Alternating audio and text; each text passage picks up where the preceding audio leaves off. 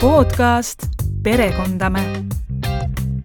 hei, hei, sõbrad ja sõbrannad, mina olen Brit Velling ja sina oled sattunud kuulama podcasti Perekondame esimest külalisega episoodi. mõnda aega tagasi saite te minu Instagrami kontol, pereterapeut, küsida igasuguseid tööalaseid küsimusi seoses oma juhtidega, seoses oma töötajatega, oma töökaaslastega, töösuhetega ja nii edasi. ja täna on minuga lõpuks see kauaoodatud külaline, et nendele küsimustele vastata. ma pean ausalt ütlema, et tänase episoodi salvestamist alustades pidin ma kõigepealt oma helipuldilt suure paksu kihi tolmu maha puhuma, aga ma tänan teid, et te olete olnud kannatlikud ja jõudsite selle osa ära oodata selle episoodi või, või teema idee tekkis mul sellest, et äh, kuna nii perekond kui ka kollektiiv on süsteemid ja, ja sellest, mis siis süsteem on, rääkisime lähemalt äh, eelmises podcasti osas, siis peaksid need samad perekond ja kollektiiv toimima üsna palju sarnaselt, seal peaks olema midagi kattuvat. aga mis see kattuv osa on? ehk et äh, kuidas ma saaksin töösuhetes ja tööolukordades ära kasutada seda, mida ma perekondade kohta juba tean. kõik, kes on äh, oodanud pikemat episoodi, siis täna te selle saate ja põnevaid mõtteid on siin tõesti väga-väga palju. saate teises pooles saavad vastused äh, teie esitatud küsimused ja saate esimeses pooles räägime külalisega perekonna ja kollektiivi sarnasustest ja erinevustest. ma väga loodan, et äh, sa leiad tänasest osast midagi mille sa saad võtta endaga suvepuhkusele kaasa, selle üle mõelda ja minna sealt puhkuselt tagasi tööle enesekindlama ja teadlikuma ja julgemana.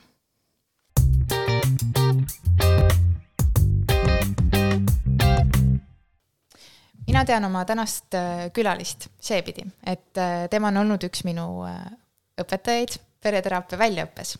nii et ta on pereterapeutide koolitaja ja ta on ise pereterapeut, aga ta on ka juhtimis- ja, ja lastekasvatus ja, ja psühholoogia teemaliste raamatute kirjastaja kirjastuses Väike Vanker. ta on kunagi olnud üks ajakirja Pere ja Kodu asutajatest, aga ta on alustanud oma nõustaja ja psühholoogi teekonda hoopis juhtide ja juhtimiskoolitaja ametist. tere, Tiit Kõnnussaar! tere! Kas ma ütlesin kõik õigesti sinu kohta? jaa, sa ütlesid kõik täiesti täpselt, et äh, niimoodi see on olnud. ja, ja kas ma saan, äh, kas mul on selline õige sisetunne, et äh, kui sa oled tegelenud juhtide ja juhtimisega ja hiljem pereteraapiaga, siis nende kahe valdkonna vahel peab olema mingisugune kattuvus või mingisugune ühisosa, et see üleminek on kuidagi loogiline olnud? no neil on kõigil ühisosa, see on nii inimene ja see kuidas inimene käitub ja suhtleb. ja see sõltub küll kontekstist, kuidas inimene suhtleb, aga need üldised suhtlemismustrid igal inimesel on ikkagi üsna sarnased erinevates kontekstides, ehk et et inimene kipub nii tööl kui kodus äh, äh käituma sarnaselt mitte küll täpselt samamoodi, aga sarnaselt. ehk võib öelda, et kui inimesel on mingis valdkonnas äh, mõned oskused ja teises valdkonnas mõned nõrgemad kohad, siis need avalduvad nii kodus kui tööl näiteks, et kui ta ei oska piire seada, siis ta ei, tal on raske piire seada oma emaga, oma partneriga, oma lastega ja tööle alluvatega. ja kui ta on väga hea kuulaja, siis ta on hea kuulaja nii kodus, tööl, emaga, lastega, partneriga ja klientidega, nii et äh, selles mõttes on need ikkagi üsna sarnased küll ja, ja ma arvan, et need kanduvad ühest valdkonnast teise edasi. kas need on nii sarnased, et me siis saame öelda, et põhimõtteliselt juhid on nagu lapsevanemad ja töötajad on nagu lapsed? päris täpselt nii ma ei julgeks öelda, et kindlasti on seal sarnasusi, aga seal on ka kindlasti olemas olulisi erinevusi. et kui me vaatame seda nüüd Äh, siis nagu alluva või meeskonnaliikme rollist, äh, siis võiks ju alateadlikult olla küll nii, et ma kohtlen juhti või käitun juhiga nii, nagu ma võib-olla käituks vanemaga. samas, kui ma vaatan seda vanema rollist või juhi rollist, siis siin on ikkagi päris mitmed erisused. ja esimene, võib-olla kõige olulisem asi, mis mulle pähe tuleb, on see, et lapse ja vanema vahelises suhtes suhte kvaliteedi eest vastutab alati vanem. et me ei saa panna vastutust suhte kvaliteedi eest lapsele. ja olgu ta ük-, no ei saa päris öelda ükskõik kui vana laps, aga eh, laps, kes pole veel iseseisvunud, siis seal suhte kvaliteedi eest vastutab vanem. see ei tähenda seda, et laps ei peaks äh, nagu, mõtlen, kuidas seda paremini öelda, et äh, see ei tähenda seda, et äh, lapsel ei oleks üldse mitte mingisugust vastutust suhte kvaliteedi eest, aga põhimõtteliselt seda kogu suurt mängu juhib vanem ja tema on see, kes vastutab selle eest, milline on lapse ja vanema vaheline suhe. kas see on hea või halb, et kui, mis on väga hinnanguline ütlemine, aga et kui, kui ma ütlen, et äh, lapse ja vanema vaheline suhe on halb, või tähendab, kui tuleb keegi vanem ja ütleb, et lapse ja vanema vaheline suhe on halb, siis äh, on üsnagi minu peas esimene mõte ikkagi see, et äh, mida see vanem siis sellist on teinud et see suhe on selliseks muutunud, et see enam vanemale ei meeldi ja ta peab seda kirjeldama sõnaga, et suhe on halb. või et see laps on halb. Me ei saa kunagi öelda, et keegi käitus täiesti iseseisvalt lähtuvalt oma iseloomust, et see on tema iseloom, vaid et äh, see on ikkagi alati selline tsirkulaarne protsess ja seal on vanemal on juhtiv roll kindlasti kohe ja täitsa selgelt ka on tema vastutaja, milliseks see suhe kujuneb kuna vanemal on autoriteet ja tal on rohkem teadmisi, tal on rohkem kogemusi, ta oskab paremini suhelda, tal on olnud palju kauem aega õppida seda, kuidas inimestevaheline suhtlemine käib, millised on suhtlemise mõjud ja nii edasi. tööl ja töösuhetes ma arvan, et siin on ikkagi täiskasvanutel omavahelises suhtes on pigem selline vastastikune vastutus või jagatud vastutus, kui päris täpne olla, siis nad mõlemad panustavad sellesse suhtesse ja selle suhte kvaliteeti. ja siin ei saa öelda, et ühel oleks nüüd suurem vastutus.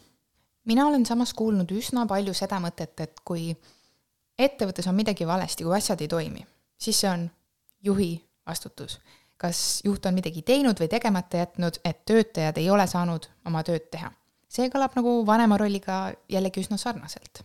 juhi ülesanne kaasaegse juhtimiskäsitluse järgi on see, et juht on see inimene, kes loob kõik tingimused selleks, et tema töötajad või tema meeskond saaks anda endast maksimumi.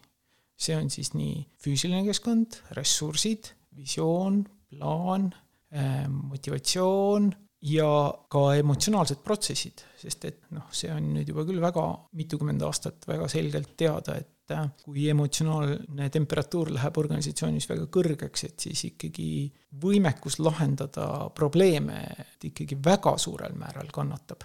ja sellepärast, kui ma tahan, et mu meeskond oleks tõhus, siis on minu asi luua lisaks füüsilisele keskkonnale ka emotsionaalne keskkond, mis äh, võimaldaks nendel inimestel anda endast maksimumi, et nad ei peaks tegelema mingite muude probleemidega. ja siit me jõuame ühe väga suure teema juurde, et kui suur õigus on tegelikult juhil huvi tunda isegi oma töötajate isikliku elu vastu, sest on täitsa selge see, et sellest isikliku elu kvaliteedist sõltub tema funktsioneerimine tööl. ja kui tegemist on olulise rolliga, siis ma arvan, et see on väga õigustatud küsimus selle selle üle on väga palju arutletud. mis see siis on, et kuhu, kuhuni juht võiks üldse minna oma selles juhtimises, siin ei ole õiget vastust. perekonnas on täiesti teine eesmärk, mida ma näen nagu sellise lastekasvatuse peamise, peamise eesmärgina on iseseisvumine ja valikute maksimeerimine. see on täiesti loomulik, et kui laps sünnib, siis tal on äh, ikkagi väga suur hulk võimalusi, mis temast võib saada, kelleks ta võib saada, mida ta võib tegema hakata ja nende valikute tulemusena, mida alguses vanemad teevad, hiljem mida laps teeb, see võimaluste hulk jääb kitsamaks. ja mõned valikud on sellised väga karmid, et äh, nende tulemusena võib jääda see valikute hulk oluliselt kitsamaks. noh, näiteks see, et ma otsustan viiendas klassis koolis käimise ära lõpetada ja see ilmselt oluliselt ahendab äh, hilisemaid valikuvõimalusi, et kus ma siis tööd saan, mis minust saab, mida ma tegema hakkan ja ma arvan, et vanemate ülesanne ideaalis võiks olla see, et nad aitaksid, et see valikute võimalus oleks võimalikult lai, nii kaua kui vähegi võimalik, sest noh, ühel hetkel ikkagi nagunii see hakkab ahenema, et kui ma ei ole kolmeaastaselt iluuisutamisega hakanud tegelema, siis eh, tõenäosus, et must saab professionaalne iluuisutaja, on ikka väga madal. ka selline, kes tõesti nagu mingeid tulemusi teeb, on ju. ma arvan, et see, et meil nagunii neid võimalusi jääb vähemaks, et see on elu paratamatus, aga, aga et neid ei pea jääma minu rumalate valikute tõttu, mida ma noorena ei oska teha, sest ma ei näe lihtsalt nii pika perspektiiviga kui täiskasvanu. ja, ja see on iga vanema ülesanne. ja see on natuke erinev, kui me mõtleme nüüd juhi ülesande peale, et inimesed saaksid anda endast maksimumi mingi eesmärgi saavutamiseks, siis äh, vanemate ülesanne on pigem anda võimalikult suur, suur potentsiaal, et laps suudaks üldse jõuda selleni, et mis on tema eesmärk ja kuhu ta minna tahab ja kuidas seda siis teha. nii et ma arvan, et seal ikkagi mingisugune erinevus on mina jällegi näen nagu sarnasusi rohkem sinu kirjelduses, et, et sa ütled, et, et see potentsiaali nagu maksimeerimine on tähtis, aga noh, juhina ju samamoodi kõik, mida sa teed juhina, sa teed selleks, et töötaja saaks oma tööd teha maksimaalselt hästi. mis põhimõtted need on, mis, mis need kaks asja tegelikult erinevaks teevad? ma arvan, et see on autonoomsuse määr ikkagi lõpptulemusena ja, ja võib-olla siin me räägime nagu sellisest ekstreemsest autonoomsuse määrast, aga et kui sa lähed organisatsiooni tööle või sa lood isegi mingi organisatsiooni, siis äh, see, mida sa täpselt hakkad tegema ja kuidas sa hakkad tegema, see on ikkagi määratud mingil viisil selle organisatsiooni eesmärgi ja visiooni strateegiate ja plaanidega vanemal pigem laps, laste kasvatamisel võiks eesmärk olla see, et äh, laps alles saaks hakata neid valikuid tegema. äh, kui organisatsioonis on see eesmärk nii-öelda paigas ja kui ta ei ole paigas, siis sellest me võiks pikalt rääkida, mis mm -hmm. siis juhtub organisatsiooniga, on ju. aga et äh, lapse puhul ma arvan, et see kõige tõhusam tulemus tuleb siis, kui see asi ei ole paigas, aga laps on teadlik oma ressurssidest ja siis ta või noor täiskasvanu ja siis ta proovib leida endale seda kõige sobivamat eesmärki ja viisi. Nojah, siin võib öelda küll, et kas see klaas on nüüd pooltühi või pooltäis, et, et juhtimises võib ka öelda, et töötajate isiklikud väärtused peavad olema ikkagi joondatud organisatsiooni eesmärkide järgi ja kõik see jutt, aga ma arvan, et see, see nagu, see hetk, kuhuni vanem kontrollib seda või kuhuni vanem juhib ja see hetk, kust juht hakkab juhtima, et see on natuke erinev.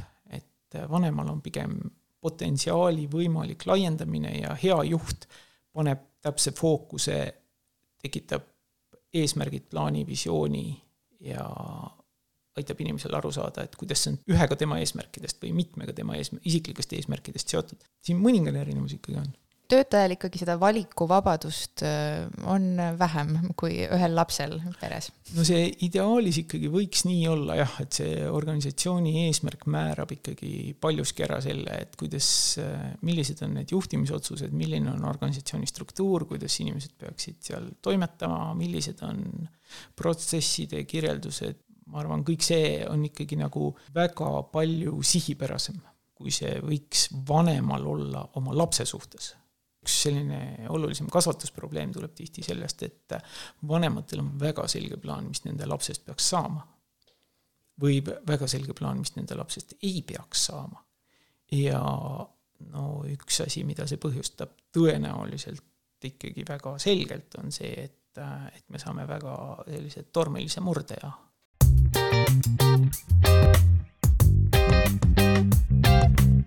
kui need äh, juhid ja need ettevõtted, keda sina koolitad, nüüd tuleksid, ma ei tea, sinu vastuvõtule, nii nagu pered tulevad, millega nad praegu siis tuleksid, millega praegu on ettevõtted hädas, millega on juhid hädas? ja proovi vastata sellele siis enam-vähem pereteraapia keeles. ma arvan, et äh, praegu on päris mitmed organisatsioonid just nimelt selle kontekstiga sattunudki minu juurde, ehk et ma tegelen pisut sellise asjaga, mida ma ise nimetan pool naljaga pooleks organisatsiooniteraapiaks. ehk et tullaksegi mingi väga selge probleemiga. minu ülesanne on siis aru saada, et milles see probleem seisneb või mis on selle probleemi nagu juured ja aidata leida, et mida siis saaks teha selleks, et see probleem seal organisatsioonis leeveneks või ära kaoks et sa ei käi selles mõttes tegemas siis selliseid äh, üks sobib kõigile tüüpi koolitusi, nagu kus sa lähed ja räägid, vaid et sa lähed lahendama tegelikult mingit probleemi või aitama lahendada ja, probleemi. ja ma arvan, see on hästi sarnane teraapiale, et äh, see esimene kõige olulisem asi on aru saada, mis on tellimus. et äh, sümptomi kirjeldus on tavaliselt üsna selge, tihti on olemas ka lahendused juba, et nüüd on vaja seda teha, et aita seda teha ja enamasti nagu nüüd süsteemsed teraapiad ütlevad, et enamasti see olemasolev lahendus on osa probleemist. et järelikult see lahendus ei ole töötanud, sest vaevalt muidu keegi oleks mind üldse hakanud otsima, et siis oleks asi ju ise ära lahendatud, et järelikult äh, see vaade sellele probleemile on selline, et see hoiab seda probleemi alal. mis nüüd äh, sümptomid siis, siis on, millega tullakse? no ma arvan, et üks selliseid populaarsemaid on olnud siin viimasel ajal see, et äh, kuidagi nagu minu meeskonnas ei ole inimestel mingisugust initsiatiivi või motivatsiooni. kas saaks neile kuidagi tekitada motivatsiooni? on tuldud äh, päris palju kordi teemaga, et kaks olulist inimest organisatsioonis, kas siis näiteks juhtkonna liikmed või omanikud, on läinud lootusetult tülli ja mitte lihtsalt tülli, vaid äh, see on kestnud juba nagu mitu aastat, aga nad ikkagi noh, koos kuidagi seda organisatsiooni veavad, aga seal on ikkagi mingi väga suur pinge omavahel. ja siis on äh, võib-olla selle esimese äh, kaebuse nagu selline variatsioon, mis on siis see, et äh, inimestel on kuidagi nagu tuju noh, on ära kadunud või ei ole nagu seda õiget suunda või sihti või läbipõlemist on palju või kas siia alla käib ka see, et äh, ma ei tea, hüved on olemas, palk on hea, aga kuidagi nagu silmes ära.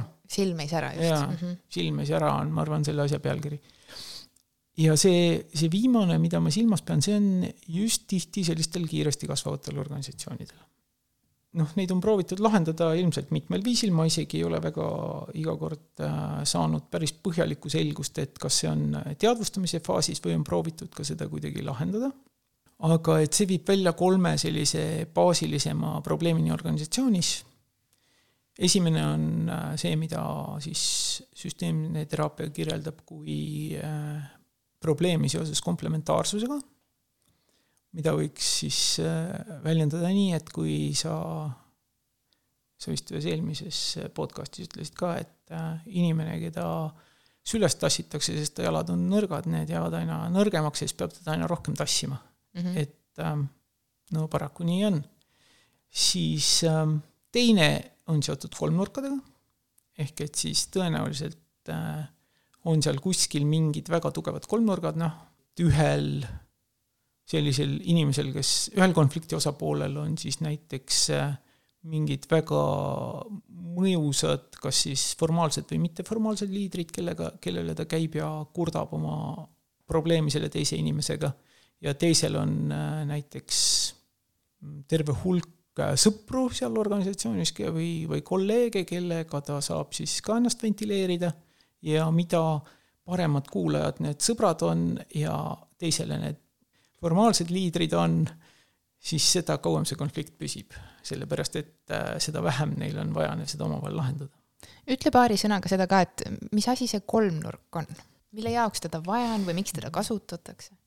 No kolmnurka me kasutame peaaegu vist äh, igapäevaselt ja kolmnurk pole üldsegi kahjulik asi. kolmnurk on väga mõistlik ärevuse maandamise viis, ehk et kui meie ärevus kasvab, siis me valime mingisuguse viisi selleks, et seda ärevust maandada. näiteks noh, ma ei tea, töö juures on äh, läinud midagi halvasti, on tekkinud mingi arusaamatus, mingid asjad on jäänud kokku leppimata, on läinud valesti, tööpäev lõpeb ära, kõik lähevad koju, ise pead ka koju minema. ja siis, äh, mis on esimene asi, mida sa kodus teed? noh, olenevalt inimesest valitakse sinna kolmnurga kolmandasse nurka siis kas kurtmine oma elukaaslasele, trenni minek ja rabeled ennast tühjaks või sõidad ratast või jooksed ennast tühjaks või võtad klaasi veini.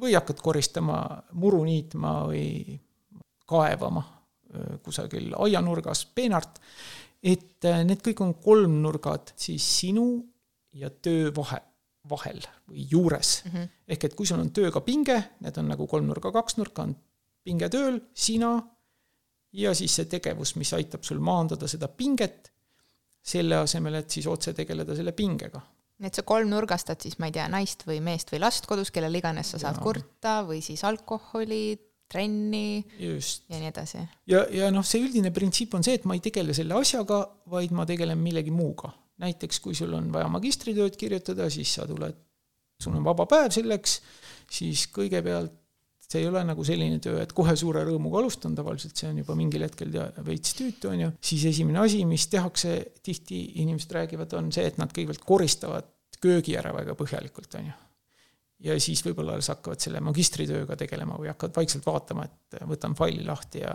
vaatan, et mis mul seal üldse on. kui tegemist on nagu ebameeldiva või noh, isegi mitte ebameeldiva, aga keeruka probleemiga, millega ma väga ei viitsi tegeleda, siis ma selle ärevuse panen esialgu millessegi muusse mm. -hmm. ja see töötab ka inimestevahelistes suhetes, kui kahel inimesel on omavahel probleem, siis on väga hea võtta ja kurta kolmandale, kui loll see teine on. ja mida parem, paremini sind kuulatakse, seda seda vähem sul seda ärevust on ja siis mõtled, et ühel hetkel, et ah, hea küll, et ta mõistab mind nii hästi, et ma lähen parem koju, ma ei hakka temaga ikkagi seda jama lahendama, et äkki laheneb ise ära. ja nii võib see kesta kümme aastat. ja ma saan aru, et see on siis kuidagi ettevõtetes ikkagi lõpuks suur probleem, et need kolmnurgad on ja inimesed ei räägi asju omavahel otse lahti, saan ma õigesti aru? jaa, sest ega see probleem ju ära ei kao et äh, see teine jääb ju ikka lolliks või selleks lolliks tüübiks, on ju, kes räägib mingit imelikku juttu. minu hoiakut see ei muuda, et ma olen kellelegi ära kurtnud, lihtsalt mul hakkab kergem ja ma ei hakka selle probleemiga tegelema. ja siis, kui ma teda, temaga järgmine kord kohtun, siis ma tülitsen temaga vanast kohast edasi, siis lähen jälle räägin sõbrale, kes oli nii hea kuulaja, et vaata, kui loll kolleeg mul on, et ma ei tea, kuidas sihukesega üldse saab asju ajada. ehk et see kordub, kordub, kordub ja see võib kesta aastaid nii et meil on siis need äh, nii-öelda komplementaarsuse printsiibist lähtuvad probleemid, ehk siis kedagi ma ei tea, aidatakse järele, kantakse süles, toetatakse, abistatakse liiga palju, üks hetk ta ei saa enam ise hakkama. ja, ja, ja seal, seal see nüüd äh, minu näide, kuhu võiks välja jõuda, on see, et äh, kui motivatsioon kaob ära, siis mm -hmm. tasub mõelda täpselt samamoodi, et äh, kes siis võtab liiga palju seda vastutust enda peale või initsiatiiv kaob ära, et kes siis võtab seda vastutust liiga palju enda peale, nii et teistel pole vaja enam initsiatiivi näidata. ehk et kes seda motivatsiooni siis tapab? kes see tapab teda ja, ja tapab sellega, et ta on ise väga aktiivne ja väga motiveeritud. et kui meil on seltskonnas üks, kes on ülimalt motiveeritud, siis äh, teised võivad nagu natuke lõdvemalt võtta või on üks, kes võtab kogu vastutuse, noh, mis siis teistel on vaja väga pingutada selle vastutuse võtmisega, et vastutus mingi asja jaoks on ikkagi põhimõtteliselt üks ja kui keegi selle üles korjab, siis teised ei pea sellega enam tegelema hakkama. ja paraku see probleem on see, et tihti on see juht.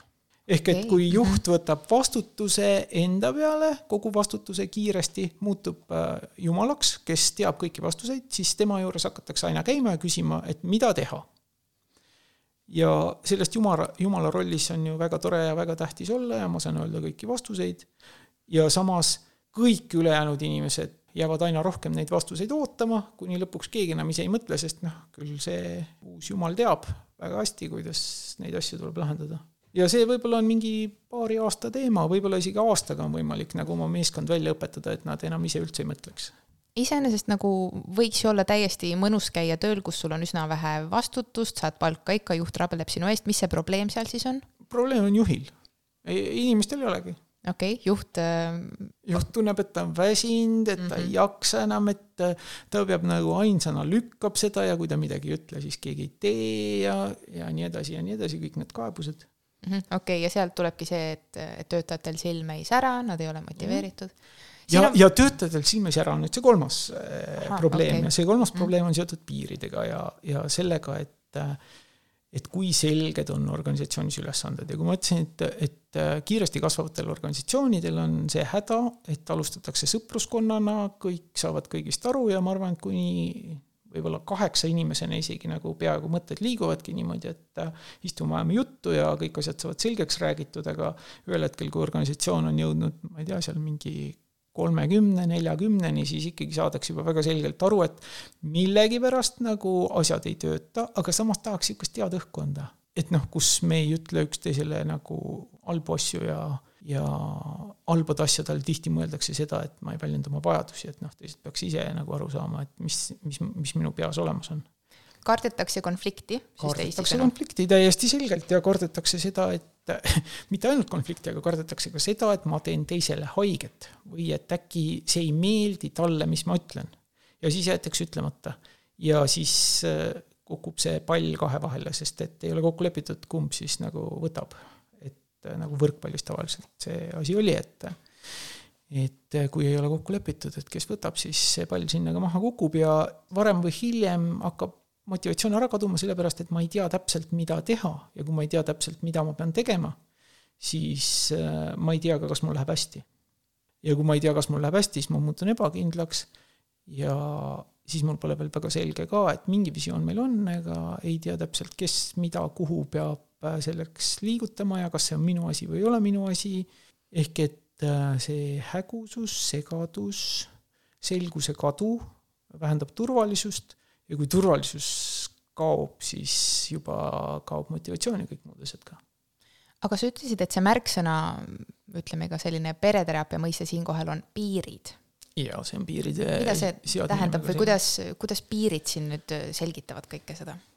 ma võib-olla alustaks kuskilt hästi kaugelt, just nimelt ajaliselt hästi kaugelt, et võib-olla mõned kümned tuhanded aastad tagasi eksisteeris inimühiskond küll mitte täpselt samal viisil, aga inimesed elasid koos ja said mingil moel hakkama. on põhjust arvata, et see suhtlemine oli pisut primitiivsem kui praegu. ehk et ei olnud nii keerukaid konstrukte inimeste peas ja mõeldi lihtsalt ja tehti asju lihtsalt ja üks asi, millega iga selline karjas elav imetaja on äh, kindlasti nagu hädas mingil oma eluperioodil, on piirid. ehk et kes olen mina selles karjas, milline on minu roll, kus on minu õigused, kust algavad minu kohustused, võib-olla mitte täpselt nende sõnadega, aga see loogika seal on see, et kui ma ei tea täpselt, kes ma siin selles karjas olen, siis on kaks võimalust. ma kas äh, hakkan agressiivselt äh, oma positsiooni paremaks tegema ja hakkan oma piire laiendama äh, või siis tõmbun eks ju, vaikselt endasse ja, ja katsun tegeleda kuskil oma asjadega ja samas mul on vajadus tegelikult ikkagi sellise grupi järele. ja selle tulemusena me jõuame sinna, et, et kui ei ole nüüd organisatsioonis defineeritud piire väga selgelt, siis inimesed kipuvad käituma enam-vähem samamoodi et nad jagunevad kaheks, et ühed, kes hakkavad nagu, muutuvad agressiivseks ja teised, kes muutuvad alistuvaks. Ja selle käitumise tulemusena tavaliselt organisatsioon ei liigu sinna, kus on tema eesmärgid, vaid äh, liigub sinna, kuhu keegi parajasti, kellel on kõige suurem ruum, arvab liikuvat. ja ma arvan, et selle, selle muudab keerukamaks see, et organisatsioonis on lisaks mitte, või noh, lisaks formaalsetele liidritele ka mitteformaalsed liidrid, ehk need, kelle sõna maksab. ja see muudab selle struktuuri veel keerulisemaks noh, pere kontekstis võiks öelda, et kusagil on üks vanaema või keegi, kes nagu teab täpselt, kuidas asjad peaks käima, hoolimata sellest, et nagu ema ja isa kasvatavad last ja kõik kuulavad tegelikult vanaema.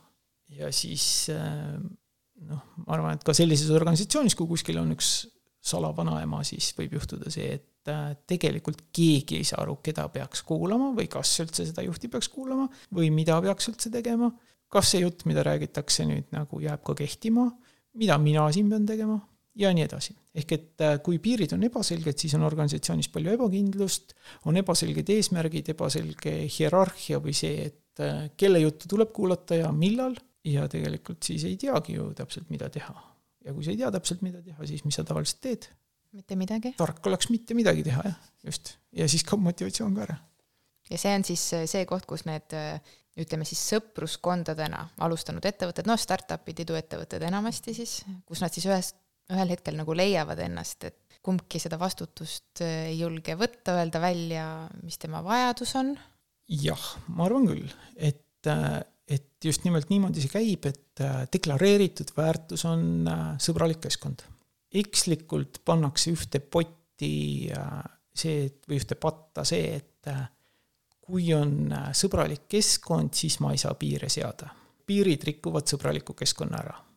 Ja mina ütleks just vastupidi, piirid aitavad kaasa sellele, et inimeste vahel on vähem arusaamatusi, vähem konflikte, selge minakeel on kindlasti üks asi, mida on sellistes organisatsioonides vaja eriti palju hakata rakendama.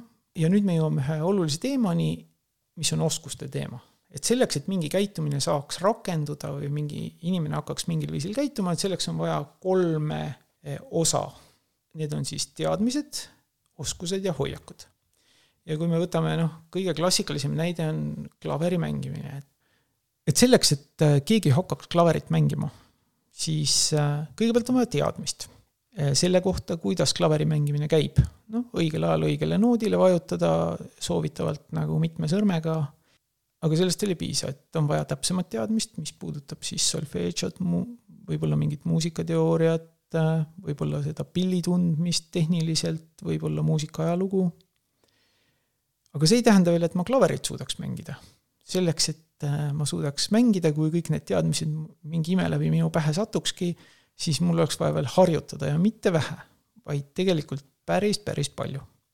harjutamine on nüüd hoopis teine asi kui õppimine teoreetiliselt. Et ma ei tea, kui paljud teist oleks nõus äh, lendama lennukiga, mille piloot on saanud näiteks viis tuhat tundi loenguid lennukiga lendamisest ja pole enne lennanud. lihtsalt teadmiste suurendamisega tegelikult oskuste hulk ei parane.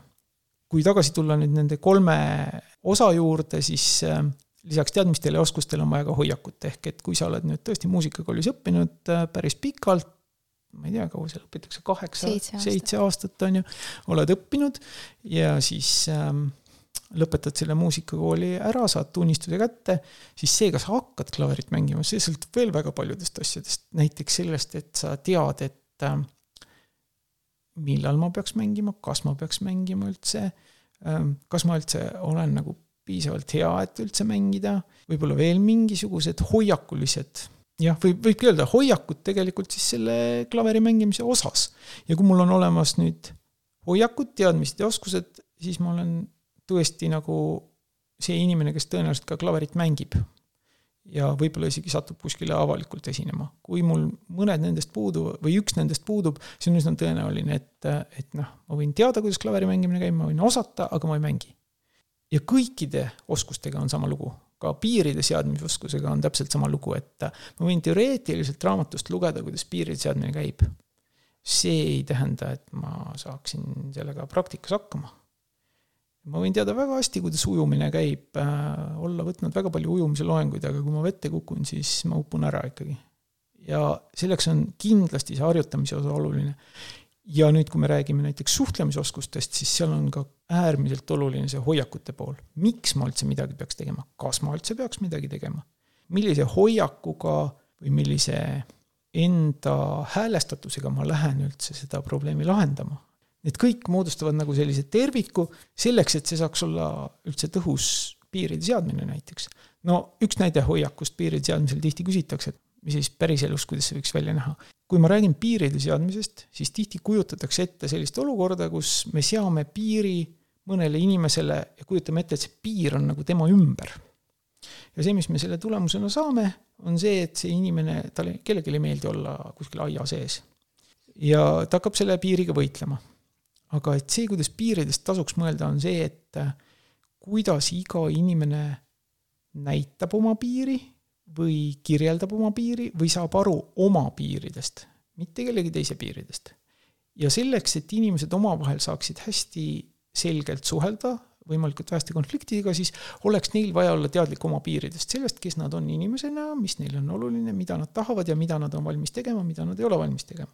ja see on organisatsioonis väga oluline, täpselt samuti nagu lastekasvatus, nüüd me jõuame sinna tagasi, et, et kuidas see kõik näiteks äh, pereeluga seotud on, et lastekasvatuses täpselt samamoodi, laps ei vaja mitte seda, et talle seataks piire, vaid laps vajab seda, et vanemad näitaks talle oma piire. näitaks seda, kuidas lapse mingi käitumine teda mõjutab.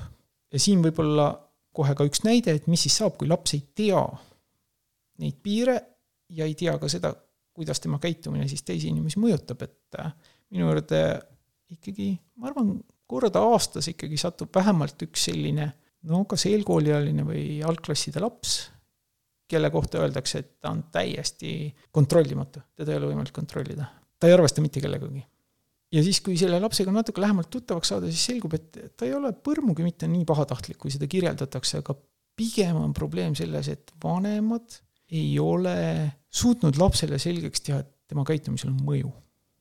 ja kui laps ei tea, et tal on mõju, siis ta võib täiesti heatahtlikult teha igasuguseid või noh, heatahtlikult, võib lihtsalt teha igasuguseid asju, sest ta ei arva, et see kedagi häirib. sest ta pole terve elu saanud tagasisidet, et need asjad häirivad, noh, see, need on sellistel vanematel, ma arvan, sellised lapsed, kes on väga-väga leplikud, mõistvad ja aru saavad ja alati leiavad põhjenduse, et miks see laps just parajasti niimoodi on käitunud. Ja püüavad lihtsalt kuidagi hakkama saada selle lapse käitumisega, ehk et ei ole lapsele seda piiri seadnud ja siis laps ei saagi aru tegelikult, et tema käitumisel on vanemale olnud mingi mõju. ja me tõlgendame seda pahatihti, et probleem on lapses. aga probleem tegelikult ei ole lapses, probleem on lapse ja täiskasvanu vahelistes suhetes ja, ja enamasti on sellisel lapsel olemas üks või kaks õpetajat või kasvatajat, kes saavad temaga suurepäraselt hakkama, ehk et kes on osanud talle näidata, et tal on mõju ja nendega sellel lapsel ei ole probleeme, aga teiste kõigiga on. see piiride näide siis ütleb nagu seda, et äh, kui keegi teine ajab mind närvi või vihale, siis äh, enamasti ei ole asi temas, vaid minu piirides, mida ma ei ole kas seadnud, kehtestanud või millele ma ei ole osanud üldse siis mõelda ja seda nii peres kui ka siis tööl, saan ma õigesti aru? jama ongi jah selles, et äh, meie füüsilist keha näevad kõik. ja noh, väga sageli meil ei kõnnitagi otsa tänu sellele, et me oleme nähtavad. aga meie sellist psüühilist isiklikku ruumi ei ole näha. ja kui me seda nähtavaks ei tee pidevalt, siis inimesed ei arvesta sellega. ja siis tekibki olukord, kus pean ütlema, et kuule, et äh, sa oled üle piiri tulnud nüüd oma asjadega ja tihti on selle põhjuseks mitte see, et teine pool on halb, vaid teine pool lihtsalt on kehv mõtete lugeja. siin ma olen nüüd irooniline, et teine pool tegelikult ei saagi mitte kuidagi teada, kust need sinu isiklikud piirid lähevad, kui sa ei ole seda öelnud selle ütlemiseks on äh, erinevad tehnikad, et kuidas seda piiri nähtavaks teha, aga nagu kõigi nähtamatute asjadega, siis äh, see on lõppematu töö, ehk et ma pean erinevate inimestega erinevates situatsioonides ja vahel ka samade inimestega samades situatsioonides seda piiri uuesti ja uuesti defineerima, et kõigil oleks meeles, et tema piir läheb siit. ja hea külg on siin see, et, et näidates neid piire ma ühtlasi defineerin ka iseennast, kes olen mina siin maailmas. nii et ma ei tee seda mitte ainult teise jaoks, ma teen seda ka enda jaoks. ei tee ainult selle jaoks, et teised minuga oskaks arvestada, vaid teen seda ka selle jaoks, et teistele teada anda, kes ma üldse inimesena olen, mida ma üldse vajan siin maailmas ja siis teised teavad ja ei tee mulle ilmaasjata liiga.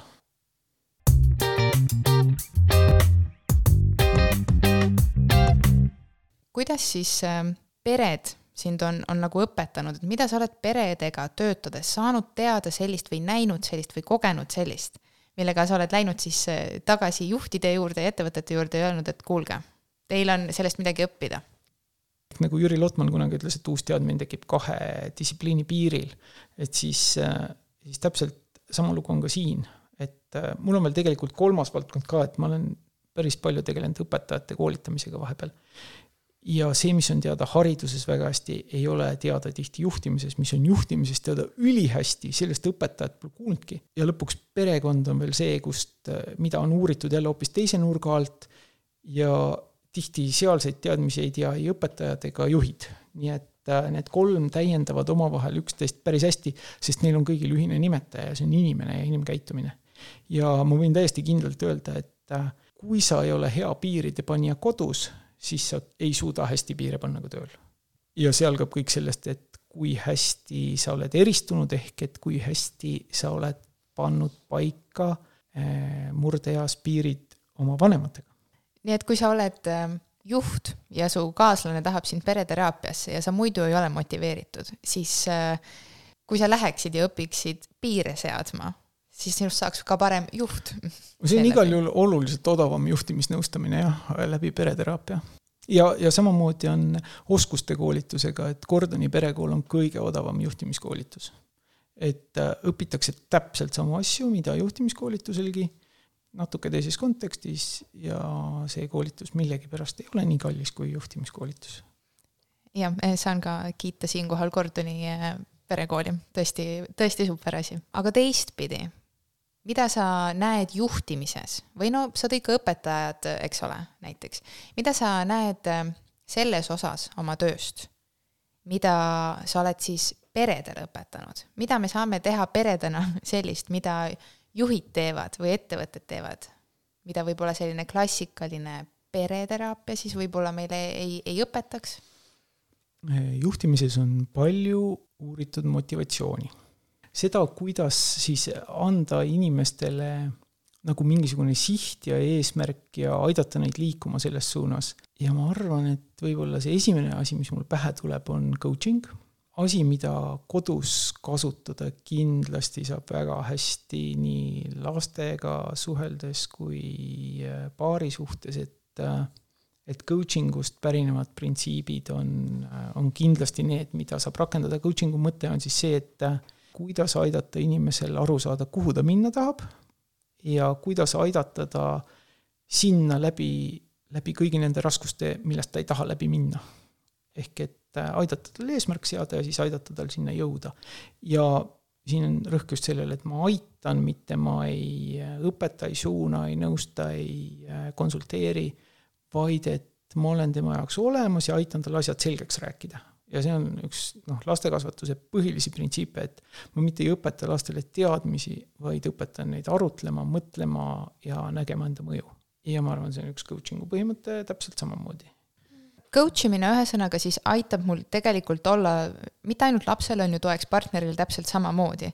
see muidugi kõlab jälle natuke sinna Gordoni perekooli äh, poole, eks ole, et, et kuidas aktiivselt kuulata, peegeldada aidata nagu teisel jõuda siis lahenduseni, ilma et sa talle midagi soovitaks ja tema muresid pisendaks, teda lohutaks ja nii edasi. jaa, see on coaching ja mm -hmm. et äh, läbi arutelu või läbi arutluse aidata inimesel aru saada, et mis ta ressursid on ja kuidas ta siis on, kuidas tal on võimalik tegelikult äh, sinna saada, mis, mis talle tähtis on ja sealjuures aru saada ka, kui tähtis see talle on, see tihti annab ka päris palju motivatsiooni juurde.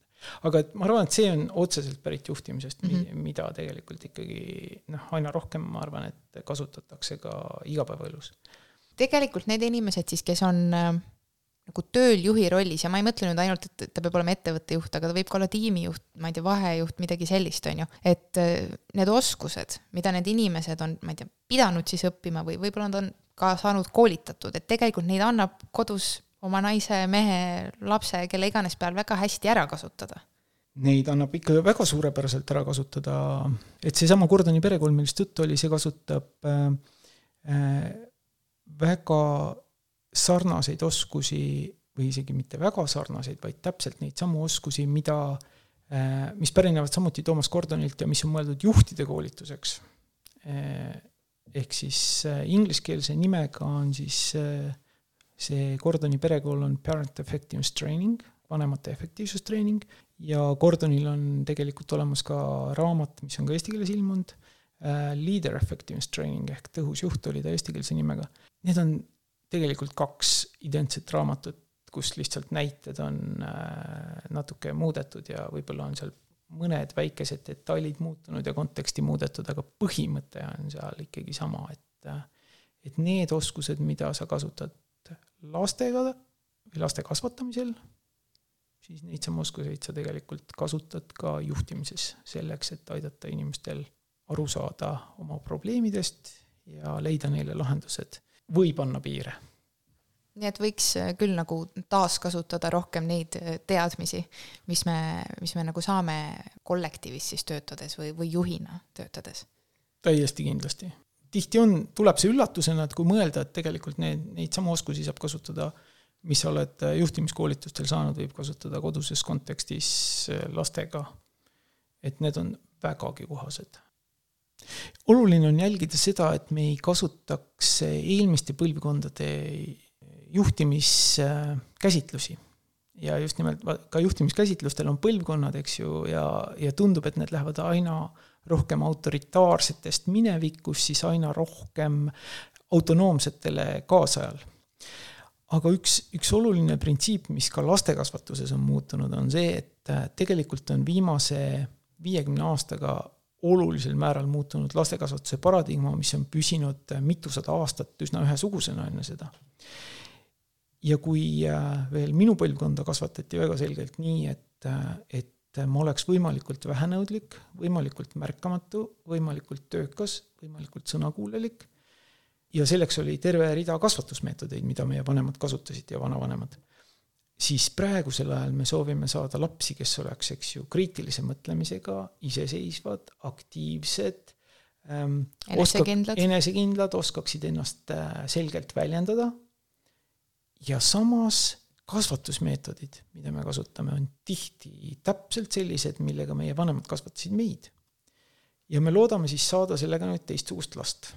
lisaks me väga palju keskenduvad vanemad sellele, et laps ei kuula sõna okei okay,, kas sa tahad sõnakuulelikku last?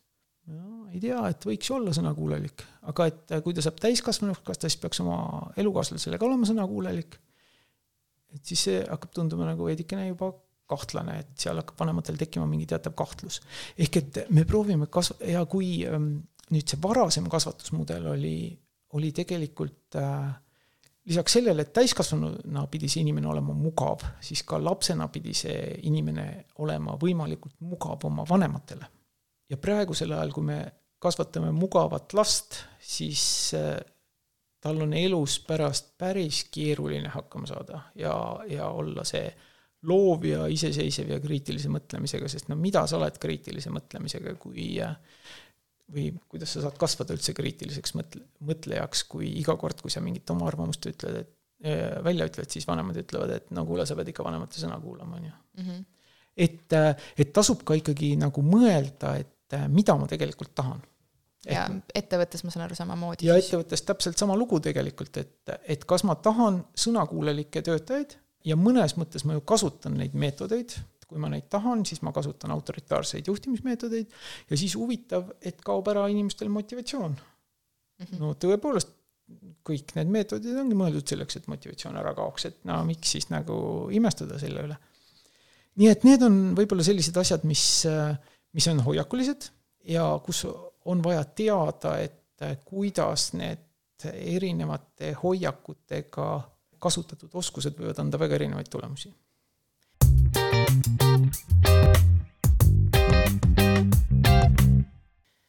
Siin tundub äh, olevat hea koht minna üle saate siis ütleme teise poolde. sellepärast, et ma palusin teil Instagramis äh, küsida igasuguseid võimalikke küsimusi ja kurta oma tööprobleeme. ja suur aitäh teile, ma sain väga-väga palju vastuseid ja nüüd me võtame mõned neist tiduga ette ja vaatame, et kuidas siis neile saab läheneda ja, ja proovime siis sellise kaasaegse juhtimisteooria järgi või, või ka kaasaegse ma ei tea, lastekasvatusmetoodika abil läheneda neile? ma isegi ei teekski vahet, et, et ma mõtlen, et, et see ongi, ma arvan, see süsteemne kaasaegne lähenemine, mis toetab autonoomsust, toetab inimeste sellist iseseisvust mm, -hmm et kui te nüüd kuulete siit mõnda nõuannet ja siis mõtlete, et oo, või kas või mõnda hoiakut ma siin proovin küll mitte nõu anda, aga võib-olla mõned asjad kõlavad nagu nõuanded, või proovite mingi, kuulete mingit hoiakut ja siis mõtlete, et sellega saaks midagi teha, siis peab arvestama järgnevat. et on üks väga huvitav teooria eelmise sajandi keskpaigast, Hans von Förster äh, äh, sõnastas selle äh, triviaalse ja mittetriviaalse masina näitena, et röster on triviaalne masin. Sa võtad saia, paned selle rösterisse ja iga kord tuleb sealt äh, teatud aja tagant välja sai. kui sa saia sinna sisse paned, siis sealt mitte midagi peale saia välja ei tule, võib tulla küll kõrbenud sai, aga noh, põhimõtteliselt tuleb sealt ikkagi välja sai. mittetriviaalsete masinatega on see häda, et ähm, sa võid sinna panna saia sisse, aga mitte kunagi ei tea, mis sealt tuleb ja seda ei ole peaaegu võimalik prognoosida ja inimene on täpselt samamoodi mittetriviaalne masin. Sa võid talle anda täpselt samasuguse sisendi nagu eile, aga ta käitub hoopis teistmoodi, ütleb sulle hoopis teisi asju, eile ta oli väga rahul, täna enam ei ole, huvitav, miks? ja ma arvan, et seda mittetriviaalse masina kontseptsiooni võiks, võiks kasutada selleks, et mõelda, et tegelikult meil ei ole valmis lahendusi ühtegi inimsuhet puudutavale probleemile, vaid et meil on vaja kõigepealt kuulata ja aru saada, kus see inimene parajasti asub, mis ta mõtleb, mis ta ootab, mis on tema arusaamad, väärtused, täna, mida ta üldse tahab, kuidas ta asjadest mõtleb, ehk et äh, räägi ja kuula inimest ja eesti keeles on veel see ka tore, et öeldakse, et räägi inimesega, siis see tegelikult peaks tähendama, et kuula seda inimest ja püüa aru saada, mis temaga toimub. ja ma arvan, et sellest algab see, et, äh, et kui me mingit probleemi hakkame lahendama, siis ikkagi me võime noh, arvata, et asi võib olla selles või tolles, meil võib olla erinevaid hüpoteese, aga et tegelik tõde selgub ikka siis, kui sa räägid inimesega. ja mul on äh, alust uskuda või mul on hüpotees, et tõenäoliselt need vastused saavad olema ka sellised, äh, mis ütlevad, et sa ise saad enda käitumises teha mingisuguseid muutusi, aga teist sa ikkagi ei saa muuta, nagu meil süsteemidega on, jah. no võib-olla kõige lähedasem on Salvador Minuchini lause, et et see, mis sa saad teha, on aidata teisel muutuda läbi iseenda muutmise. sellepärast, et kui kui on kahe inimese vaheline suhe ja üks hakkab teistmoodi käituma, siis teine ei saa enam samamoodi käituda. ehk et siis ta peab kuidagi hakkama ka teistmoodi käituma. nii et äh, meil on alati väga suur mõju teisele inimesele. ja kui sa ei usu seda, et, äh, et äh, siin on võimalik üldse midagi paremaks teha, siis mõtle, kas sa hullemaks saad teha. ja kui sa oled kindel, et sa saad selle suhte ajada täiesti hulluks, siis on tõenäoline, et sul on sellele nii palju mõju, et sa saad seda teha ka paremaks. et see ikkagi sõltub sellest, milline meie suhe, sõltub sellest, mida mina ka teen ja mitte vähe, vähemalt poole võrra. võtame siis eh, segamini selliseid ütleme siis töötajate või noh, see ei ole väga hea sõna, alluvate poolt eh, esitatud küsimusi ja, ja juhtide poolt esitatud küsimusi. alustame ühe sellisega, millest sa tegelikult põgusalt korraks juba, Tiit, rääkisid ka, et need mitteametlikud juhid kes ütlevad äh, teistele töötajatele, et kas siis päris juhi antud äh, sellisel käsul on mõtet või mitte, äh, kuigi see ei ole üldse nende pädevus. ja, ja see raske asi siis on see, sealjuures see, et neid kuulatakse nagu ka väga, neid mitteametlikke juhte. et ähm, kui, kui, ma ei tea, oskad sa perega mingit analoogi tuua, et kui meil nüüd on perekond, mis selles perekonnas siis toimuks, kui meil seesama probleem oleks, et see on seesama vanaema siis, kellel näiteks vanaema, kellel on väga palju sõnaõigust või kes arvab, kuidas asjad peaks käima? see võib olla ka vanemlikustatud laps näiteks. mis see tähendab? vanemlikustatud laps on siis äh, tavaliselt kõige vanem laps, kes on saanud vanemalt või vanematelt eriõigused teiste laste kasvatamiseks ja kontrollimiseks. iseenesest pole sellest midagi halba, kui üks laps vaatab teiste järele, aga kui sellest saab tema nagu pidev roll või et ta kasvab üles teadmises, et noh, tema vastutab selle eest, et äh, kõik lapsed ähm, äh, jääksid ellu ja et ta teaks, kus nad on ja mis nad teevad ja oleks üldse igal viisil nagu vastutaks nende eest ja vahel ka, et nad saaks söönud, söönuks ja kooli ja magama ja mis iganes. et siis äh, see on kindlasti see roll, kes hakkab konkureerima vanemate rolliga. see võiks näiteks olla üks näide, võib-olla on seal keegi vanemlikustatud laps, jah aga, aga miks see nagu vanemlikustatud laps teeb seda ja samamoodi, miks see mitteametlik juht teeb seda? miks ta tahab seda võimu või, või kes talle selle andnud on või, või kes sunnib teda sinna rolli, miks ettevõttes üldse tekivad need mitteametlikud juhid? no igas organisatsioonis põhimõtteliselt on ju olemas formaalsed liidrid ja mitteformaalsed liidrid. ja vahel nad, need nagu nii-öelda jutumärgides ametikohad kattuvad, on ju.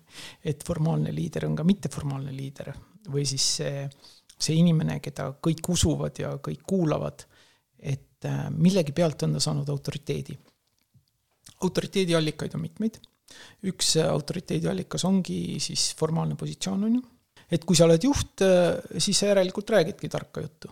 autoriteeti on võimalik saada ka näiteks teadmistest, et kui sa oled tark, sa tead tõesti palju, sa loed kõiki uusi seadusi, sa tead, tulevad äh, uued sisekorraeeskirjad, sina oled võib-olla ainuke, kes on need läbi lugenud, on ju, ja oskad nende kohta midagi öelda. Või sa eh, oled kursis kõige uuemate tehnoloogiatega, noh, sõltub, mis organisatsioonis, mis sorti organisatsioonis sa töötad. aga et see autoriteet tuleb sellelt, et, et sul on teadmised või sul on mingi kompetents. Eh, vahel tuleb autoriteet näiteks tulemustelt, et sa oled lihtsalt niivõrd hullult hea tulemuste tegija et noh, järelikult sa pead olema nagu hea tegija ja siis kõik joonduvad sinu järele et neid autorit-, kuna neid autoriteedi allikaid on mitmeid, siis äh, tekivad ka inimesed, kellel võib-olla ei ole formaalset positsiooni, aga kes siis äh, hakkavad ikkagi seda juhi rolli mõnes mõttes võtma.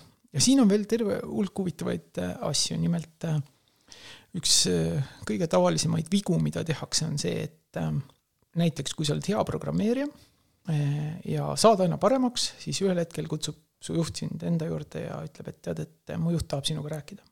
Ja siis tehakse sulle ettepanek, et hakka juhiks. see võiks olla ju hea uudis, on ju, et palk tõuseb ja kõik läheb, elu läheb ilusamaks, on ju. umbes mõne kuu pärast tuleb peale masendus, sellepärast et äh, selgub järsku, et äh, ma ei saa üldse tööd teha. Et äh, ma pean kogu aeg inimeste muredega tegelema, ma pean otsima neile mingisuguseid lahendusi, ma pean aitama neil nagu mingeid probleeme lahendada, istuma mingitel koosolekutel, on ju, ja ma ei saa tööd teha üldse. kui neid inimesi on piisavalt palju kogunenud, siis vahel kutsutakse kokku mingi juhtide arenguprogramm ja koolitus pannakse kokku ja, ja selle käigus selgub äh, jahmatav tõsiasi. nimelt see, et äh, sinu uus töö on hoopis teine. Kui sa enne programmeerisid ehk kirjutasid, eks ju, koodi, siis nüüd sa pead äh, tegelema sellega, mis ma saate alguses ka ütlesin, et äh, juhi ülesanne on aidata teistel inimestel teha maksimaalselt hästi tööd, ehk et aidata neid emotsionaalselt heas vormi, luua töökeskkond, kus nad saavad ennast maksimumi anda, ehk sa hakkad tegema täiesti teist tööd. kui sa oled milleski väga hea, siis sind pannakse tegema midagi muud nii et need mitteametlikud juhid siis on milleski olnud väga pädevad, väga head, usaldusväärsed, millegipärast Just. nagu autoriteetsed ja.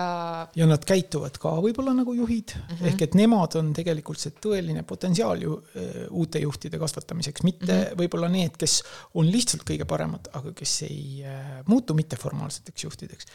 aga seal on nüüd üks oht, et uh, Jack Welch, kes on ka Eestis tuntud kui uh, mitmes eestikeelses, eesti keelde tõlgitud juhtimisraamatute autor ja, ja tegelikult äh, selline väga tunnustatud juhtimisteoreetik, lisaks sellele, et ta on olnud ise suurte ettevõtete juht.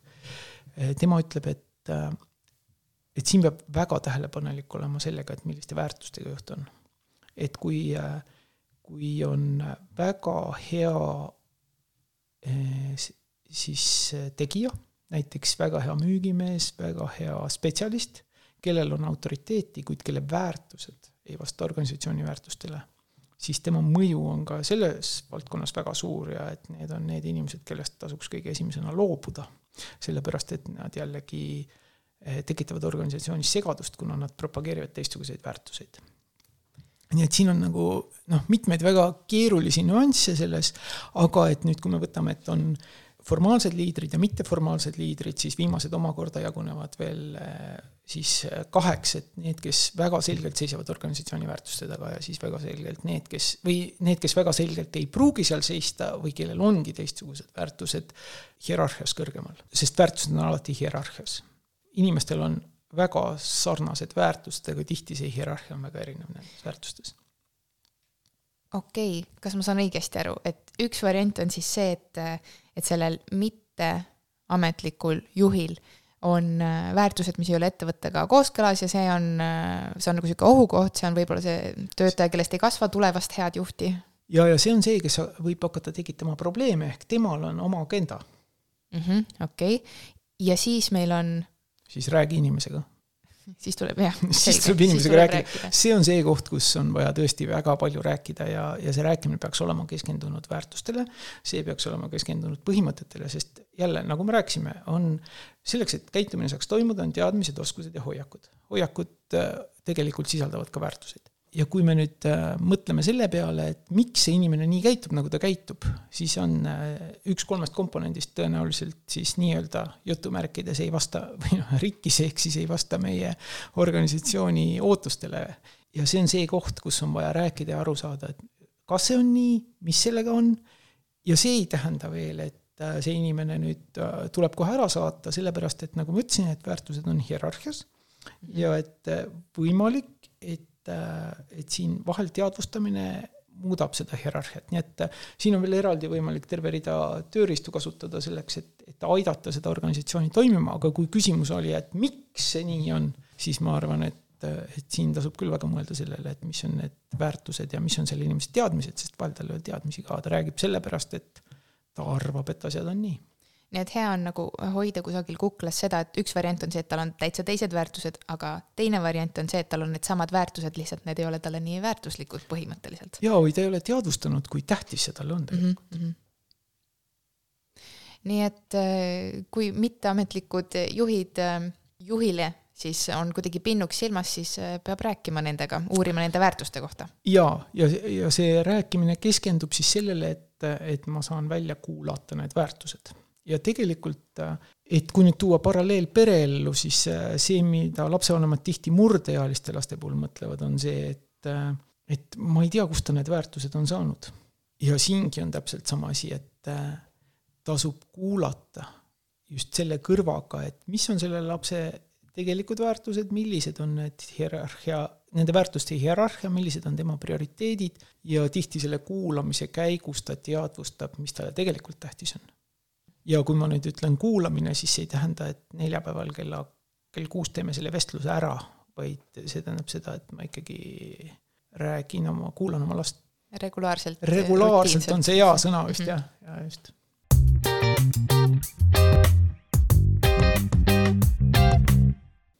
no aga selline küsimus äh, või ütleme siis probleem nagu töötajate omavaheline kemplemine või teisisõnu ussitamine. Et äh, kollektiivis on alati keegi, kellele midagi ei sobi, pidev vingumine, et äh, kuidas nüüd neid töötajate vahelisi konflikte või ka niisugust juhtkonna, ma ei tea, õõnestamist siis, kuidas seda sellises süsteemses kontekstis vaadata või kuidas kuidas seda saab nagu niisuguse pereeluga võrrelda, kas need on nüüd lapsed, kes on vanemate vastu või lapsed, kes tülitsevad ja, ja keegi peaks neid nagu lahutama, aga pole seda, kes lahutaks?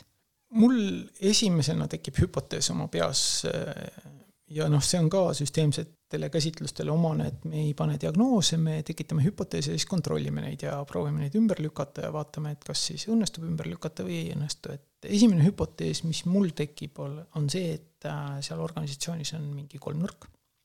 et äh, prantslased ütlevad, et alati, et otsi kolmandat ja see on tõesti tõsi ikkagi süsteemne vaade on üles ehitatud sellele, et ma vaatan kindlasti rohkem kui neid kahte suhtes olevat inimest, vaid vaatan ka neid mõjutavaid olulisi teisi inimesi ja teisi faktoreid, et miks just praegu on selline asi juhtunud.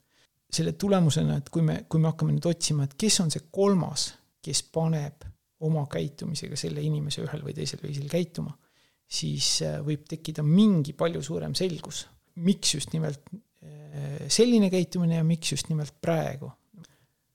võib-olla see esimene mõte, mis tekib, on see, et, ähm, et keegi tunneb et teda ei väärtustata või teda ei hinnata, ehk et ta on jäänud kolmnurgas äh, selle kolmnurga kaugemasse tippu.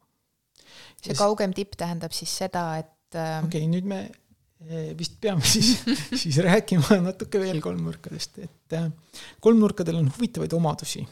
et võib-olla kõige lihtsam on meelde tuletada en-, igalühel enda seitsmendat klassi ja seda, kuidas sul oli seal klassis, oli keegi väga hea sõber, kellega sul oli väga koos väga tore erinevaid asju teha, kuni selle hetkeni, kui ta kohtus selle teise oma sõbraga ja siis sina tundsid ennast nagu viies ratas.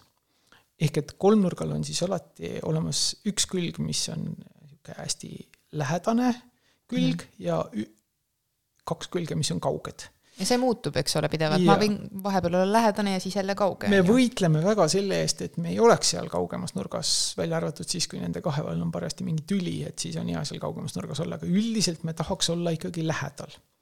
ja me tahaks olla lähedal kas formaalsetele või mitteformaalsetele liidritele ja nüüd, kui selgub, et äh, me oleme või keegi inimene on jäänud kuskile kaugemasse nurka, siis ta teeb kindlasti väga erinevaid äh, võib-olla isegi mitte väga mugavaid käitumisi ei talle endale ega teistele selleks, et äh, pääseda kusagile kolmnurka lähemale kellelegile nendest kolmnurgas olijatest. ja siin on jällegi selleks, et aru saada sellest käitumisest, siis, siis oleks vaja teada täpselt, et mis seal ümber toimub. millal see algas, mis siis toimus, miks täpselt see asi, asi niimoodi äh, täna on, mis tema ümber veel toimub, äh, kas ta mõnikord on rohkem kolmnurgas või mõnikord on vähem käitub niimoodi et.... et mis me saame nagu kindlalt öelda, on see, et kui kaks töötajat kempleb, siis on seal tõenäoliselt keegi kolmas, kas juhtkonnast või veel mingi töötaja või mingi, Just. ma ei tea, klient, mis iganes. et äh, ja noh, lastekasvatuses näiteks on ju selline näide, et äh, kui on laps, kes ei kuula äh, ühe vanema sõna, siis teraapias, terapeut, pereterapeut tihti küsib, et kelle kukil see laps on. Ehk see on kolmnurk, on ju. et, et kui ema sõna ei kuulata, siis võib-olla isa kogu aeg toetab seda last selles, et noh, ema, ema jutt, tead, see ei ole nii oluline, on ju. et ja siis on selge, või kui näiteks ma arvan, kui laps on mõne õpetaja suhtes väga negatiivne, siis võib ka mõelda, et kelle kukil ta täpselt on. et äkki mõni vanem on ka selle aine õpetaja suhtes näiteks väga negatiivne. või on seal koolis mingi kolmnurk, mille pärast ta on just nimelt selle õpetaja suhtes negatiivne, nii et, nii et ma soovitan alati otsida seal kolmnurga kolmandat külge ja vaadata, et miks need asjad täpselt nii on, et, et kuskil kindlasti on veel keegi kelle pärast see võitlus käib. Ja va-, sagedasti on neid mitmeid, et nagu alguses toodud näite puhul ma ütlesin, et, et ühel juhul on võib-olla seal mingi eh, tähtis juhatuse liige ja teisel juhul, kes teda kuulab ja mõistab, ja teisel juhul on mingi hulk mõjukaid sõpru või kolleege, kes teda väga mõistavad ja need hoiavad seda konflikti alal, et noh, seal, seal on siis kaks kolmnurka, on ju, põhimõtteliselt. et kui ma olen nõus ikkagi kellegi, ma ei tea, tagarääkimist või kurtmist pidevalt kuulama siis ma hoian sellega seda käitumist ikkagi alal. oi, konflikti alal jah mm, -hmm. ja täitsa selgelt kohe, et ma toetan seda konflikti, et see õige vastus oleks see, et see on jube huvitav küll, mis sa räägid, aga tead, ma arvan, et te peate ikka omavahel rääkima selle asja selgeks ja võimalikult ruttu ja siis võib-olla veel järgmine päev küsima, et kuule, kas sa tegid juba või ei teinud seda, et oled sa rääkinud või ei ole. et noh, endal on väga huvitav seal kolmnurgas olla ju. et äh, nii huvitav on kuulata tema juttu, aga kahjuks sellega me tegelikult jah, teeme töökeskkonda keerulisemaks no aga kui ma olen see juht äh, ja, ja minuni jõuavad nagu kuuldused, et minu tiimis, minu meeskonnas siis äh, ma ei tea, töötajad räägivad minust taga. -hmm. mis ma siis teen? no ma mõtlen, et äh, juhi ülesanne üldiselt olekski tuli enda peale võtta, et, et kui see kultuur on selline, et organisatsioonis on või meeskonnas on palju kolmnurki, siis on mõistlik, kui need äh, kolmnurgad on pigem juhi suunas, sellepärast et juht peaks sellega hakkama saama, on ju, ikkagi paremini. sest vastasel juhul tehakse patuoinaks keegi teine ja siis tõenäoliselt see lõpeb tolle teise organisatsioonist lahkumisega ja ma ei usu, et te olete värvanud inimesi, kellest te tahate lahti saada, sest äh, uue sisseelamine on ikka päris kallis business, on ju, uue inimese sisseelatamine sinna organisatsiooni. minu äh, kolleeg idufirmast ütleb, et siis see selline konflikti mõnikord või tagarääkimise ära talumine kuulub nagu põhipalga sisse, ühesõnaga jah. see võiks vist äh, küll niimoodi mõelda ja, ja noh, ikkagi mina alustaks jälle sealt, et no räägi inimesega või siis, et kuula, et kuidas see siis nii on läinud. ja mitte ära keskendu siis äh, kahe inimese vahelisele suhtele, vaid keskendu natuke suuremale pildile, et võib-olla abistav oleks see küsimus, et miks praegu. Et mis siis praegu veel juhtus, et see asi just nüüd nagu nii aktiivseks muutus ja see aitab tegelikult näha seda süsteemi laiemana või aitab sisse tuua sinna süsteemi uusi komponente, et paremini mõista, et miks see, miks see süsteem just nimelt niimoodi toimib. et seda kolmnurka on vaja maandada sellisel viisil. ja kas siis oleks võimalik või äkki see inimene on võimeline teadvustama ja mul on võimalik siis kuulda seda, et mis ta päriselt vajab. sest seal on mingi defitsiit, muidu seda ei mm -hmm. juhtuks. kui vajadused on rahuldatud, siis inimene ei tee mitte midagi. ja kui ma juhina näen, et Äh, alluvad kemplevad, siis nagu mõnes mõttes vanem laste suhtes, et ma lasen neil natuke ikkagi kembelda, usaldan, et nad saavad ikkagi ise hakkama, annan neile seda vastutust ja kui ikka läheb rajuks, siis äh, pakun, ma ei tea, et ma vahendan on, või aitan. siis on konflikti vahendamise oskused jah, aga et äh, see, et inimesed omavahel nagu sotsiaalseid oskusi treenivad, see on ju väga positiivne nii laste puhul kui ka täiskasvanute puhul, et las harjutavad, et ei ole mõtet kohe vahele hüpata. see on väga, ma arvan, hea viis vaadata töökoha eh, konfliktidele. võib-olla siin üks tore nõuanne veel, et vanemate ülesanne ei ole mitte see, et nad peaksid kaitsma lapsi frustratsiooni eest, vaid see, et nad õpetaksid lastele, kuidas eakohase frustratsiooniga toime tulla. ehk et kui lapsed satuvad nagu eakohast frustratsiooni kogema, et viiene ei saa näiteks kingapaelu kinni või mingeid või on mingi muu häda tal, kahesel võib-olla torn ei seisa nii hästi püsti, kui ta tahaks, on ju, siis äh, vanema ülesanne ei ole mitte see torn paremini laduda või kingapaelad kinni siduda, vaid õpetada lapsele, kuidas nende tunnetega toime tulla. Ja sellest on lapsele palju rohkem kasu kui sellest torni ehitamise oskusest, sellepärast et noh, mis ta sellega ikka teeb pikas perspektiivis. aga, aga oma tunnetega toimetuleku oskus on väga oluline.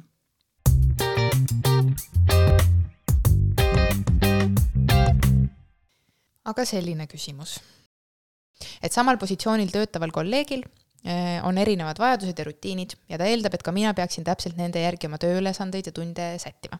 ja kui ma tahan teisiti, tundub talle ebaõiglane ja see on siis kõik alustades kodus töötamisest kuni keset päeva ja hommikul ja õhtul varem äraminekuni, trennis käimiseni, kõik lastega seonduvad tegevused ja nii edasi ja nii edasi. ma arvan, see on nüüd see koht, kus Gordoni perekool toimib väga hästi, et ähm, eh, Gordoni perekoolis on, õpetatakse joonistama Gordoni akent, mille pealkiri on, et kellel on probleem ja kust on väga lihtne välja selgitada, et mida ma pean tegema. kui probleem on teisel ja ma tahan teda aidata, siis ma kuulan seda inimest ja püüan teda mõista ja anda talle tunnet, et ta on oluline. ja kui probleem on mitte teisel, vaid probleem on minul, siis ma räägin selle inimesega ja näitan talle seda oma piiri ja seal on võimalik seda erinevatel viisidel teha, lihtsate mina-sõnumitega või kolmeosalise kehtestava mina-sõnumiga. ja see, mis ma öelda tahan, on see, et äh, tegelikult see eeldab nüüd oskust õpet. et äh, kuidas siis täpselt seda asja öelda nii, et see tõenäosus, et see suhet kahjustab, oleks võimalikult väike. ja ma arvan, et seda on võimalik öelda üsnagi sellisel viisil, see suhe võib isegi minna paremaks selle protsessi käigus. Aga seda vaid ainult juhul, kui ma kasutan tõesti seda kehtestavat viisi ja kehtestav viis tähendab seda, et ma väljendan enda vajadusi ja kindlasti kuulan teise poole vajadusi ja vastupanu. See kõlab nüüd väga palju nagu selle moodi, et lihtsalt nagu teadmisest ei, ei piisa, et ma, nüüd ma pean tõesti sinu seda kolmeosalist mudelit hakkama ra rakendama, et ma pean minema ja päriselt hakkamagi nii-öelda harjutama teistmoodi käitumist, sest et enamikele inimestele nii-öelda suutlikkus olla ebamugavas olukorras, ma arvan, on ikka väga-väga nagu kehv. no siin on jälle teine asi ka, et äh, see kehv on ju tegelikult abitu mm. -hmm. ja abitu sa oled siis, kui sa ei tea, mida teha ja kui sa tead, mida teha, siis sa ei ole nii abitu. ja siis on ka tõenäosus, et sa kas põgened või muutud agressiivseks palju väiksem, ehk sul on palju lihtsam tegelikult keerulistes olukordades toime tulla, kui sa tead täpselt, mida teha. see iseenesest rahustab su maha, sellepärast et siis ei ole enam keeruline olukord, kui sa tead täpselt, mis ma pean tegema, mis ta siis nii väga keeruline on, siis tuleb lihtsalt ära teha. aga et äh, selleks on vaja oskust õppida enne ja lihtsalt teadmisest oskuse kohta ei piisa. veel kord ütlen, et kui sa tead, kuidas ujuda ja vette kukud, siis sa upud ära mm. -hmm. et sa pead ikka olema ujunud ka natukene, proovinud, kuidas see ujumine käib, et siis on lootust küll, et ujud välja. okei okay,, et ma kuulan nüüd seda podcast'i, ma sain teada, mida ma pean tegema ja nüüd ma pean siis päriselt minema ja ma ei tea, hakkama katsetama. õppima oskust tõenäoliselt jah, et ja oskuse õppimine hea, heal juhul käib nii, et kõigepealt Äh, saad teadmise selle oskuse kohta ja siis hakkad proovima ja siis saad tagasisidet ja siis proovid veel ja mm -hmm. ja siis, kui ühel hetkel oled piisavalt harjutanud, siis äh, saad ennast täitsa kindlalt tunda selles olukorras ja ma luban, et tunned ka. ja mis on veel üks huvitav asi, on see, et kui sa oled selle oskuse omandanud, siis neid olukordi tuleb palju vähem ette, kus sul on neid vaja kasutada. ja seda võib seletada jällegi sellesama komplementaarsuse printsiibiga, et kui sa näiteks oled väga hea konflikti lahendaja siis neid konflikte satub sinu ellu suhteliselt vähe, sellepärast et äh, sa lihtsalt käitud sellisel viisil, et need konfliktid, noh, et teine pool isegi ei arva, et sinuga oleks üldse vaja konflikti minna, sellepärast et sa lahendad selle, selle konflikti ära võib-olla juba tükk aega varem, kui keegi üldse aru saab, et seal mingi konflikt on.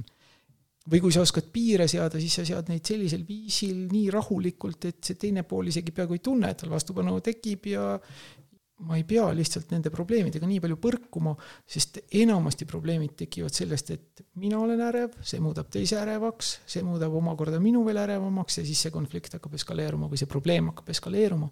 lihtsalt sellepärast, et me nakatame üksteist selle ärevusega.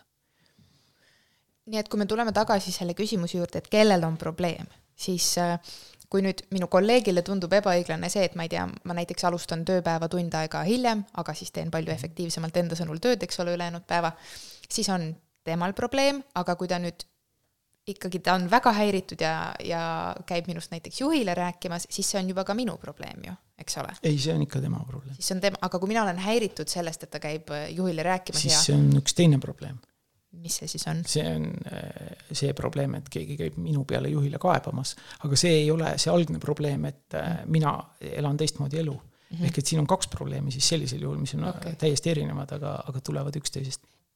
kui teisel on siis probleem ühesõnaga sellega, kuidas mina oma tööd teen, oletame, juhil mingeid kaebusi nagu ei ole, siis kui ma tahan olla hea konflikti lahendaja, siis ma kuulan oma töökaaslast, proovin aru saada, mis rahuldamata vajadus seal näiteks äh, taga on, mis tal, mis tal mureks on, sean selgelt oma piire, olen rahulik, kindlameelne ja loodan, et, et tema probleem sellega laheneb, on ju.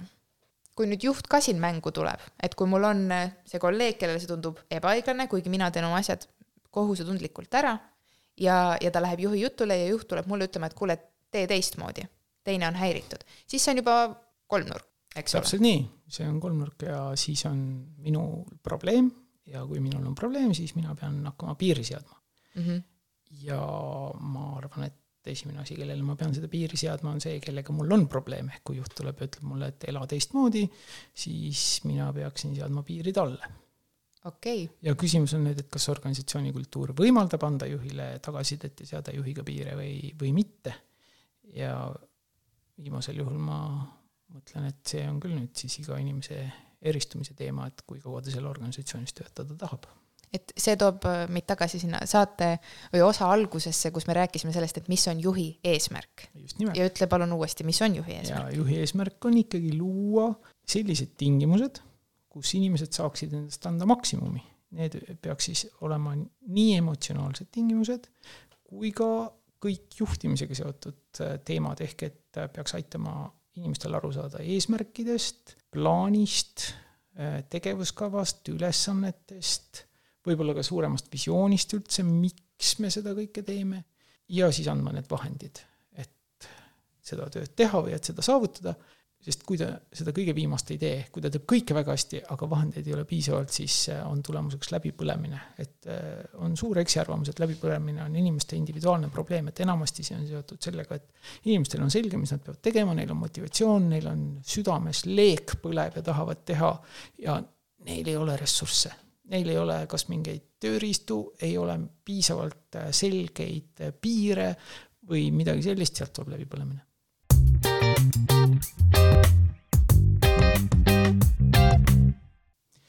mida siis teha, kui äh, ettevõttes võetakse nagu töötajate poolt otsus vastu ja siis hakatakse selles, mis vastu sai võetud, uuesti kahtlema ja otsast arutama ja, ja lõpuks nagu ei jõuta mitte kusagile, sest et kogu aeg ühte ja sama muret arutatakse uuesti ja uuesti ja uuesti. kui ma oleks terapeut, siis ma küsiks, mis see probleem siin siis selles on, et noh, arutage uuesti ja see tundub väga jabur, et ma küsin sellise rumala küsimuse, aga tihti selliste rumalaste küsimuste tulemusena hakkab selguma see asi, et mis meid päriselt häirib. sest siin võiks ju mõelda ja eeldada, et siin häirib see, et noh, see takistab millegi ärategemist, et kogu aeg otsustatakse ja midagi ära ei tehta. oletame, et see on see päris põhjus. võib-olla on hoopis mingi täiesti teistsugune põhjus. Ehm, ja siin noh, tekib mitmeid hüpoteese, millest sellised asjad võivad tingitud olla, aga üks teema on äh, jällegi seotud äh, selge minakeelega. ehk sellega, et kas siis kõik tõesti saavad aru, mis see otsus oli. kas tõesti kõik saavad äh, aru, mis asja me siin organisatsioonis üldse ajame, et mis see meie visioon on, kuhu me tahame jõuda, mis meie strateegiad on, et miks me seda kõike teeme, mille, mis etappide kaupa me selles suunas liigume ja mis roll selles on minul. et kui, kui sellest ma ei ole aru saanud, siis tundub äh, iga ülesanne mulle suhteliselt hiinakeelne, et äh, noh, et miks seda tegema peab, ei tea, et noh, ma ei tea üldse, mis meie organisatsioon teeb, et äh, aga mõtleme, otsustame siis teistmoodi. see meenutab natuke nagu mingisuguseid näiteks paarisuhte konflikte, kus me lepime kokku, et me hakkame nüüd iga teine nädal kohtingul käima ja, ja siis nagu noh, reaalsuses äh, selgub, et noh, keegi näiteks initsiatiivi ei võta ja siis on pidevalt selle kokkuleppe ümber tegema, et okei okay,, et hakkame siis iga kolmas nädal käima või et äh, hakkame kord kuus kasvõi käima, mõtlemata üldse, et miks meil seda kohtingul käimist siis vaja on, kas me seda üldse tahame, kas see vastab meie vajadustele. ja siis on ka pidev nagu sellesama kokkuleppe ümbertegemine tegelikult. ja, et mis on selle kohtingu funktsioon meie suhtes mm -hmm. ja kui tähtis see mulle on see, mida ma selle kohtingul käimisega saavutan, et kas see on mulle üldse tähtis või ei ole, kas ma usun, et see on mulle tähtis või ei ole. et kas ma usun, et selle abil on üldse võimalik midagi muuta või ei ole, ehk et see koosneb kahest olulisest komponendist veel, et üks on usk sellesse, et sellest on abi ja teine on tähtsus. et usk ja tähtsus on need kaks asja, mis tihti äh, on puudu, kui asjad ei toimi. et äh, inimesed kas ei saa aru, miks nad seda teevad ja et see on oluline või siis nad ei usu, et see on võimalik. ja need mõlemad on seotud, äh, ma arvan, tihti segadusega. et äh, kui me ikka täpselt ei saa aru, mis asi see on ja miks see on ja kes mida teeb, siis tulebki see, et aga äkki me ei peaks ikka tegema. ja, ja siin ma arvan, noh, keskastme juhi äh, oluline nagu küsimus on siin see, et kui mina ei oska oma meeskonnaliikmetele, kes mulle alluvad, ei oska seletada, et mis asi see on ja miks seda tehakse ja miks just nii ja kuidas see käib, siis ma pean minema juhi juurde ja ütlema, et äh, ma vajan nüüd nagu, et sa mulle selle selgeks teeksid mm. -hmm. sest ma ei saa aru.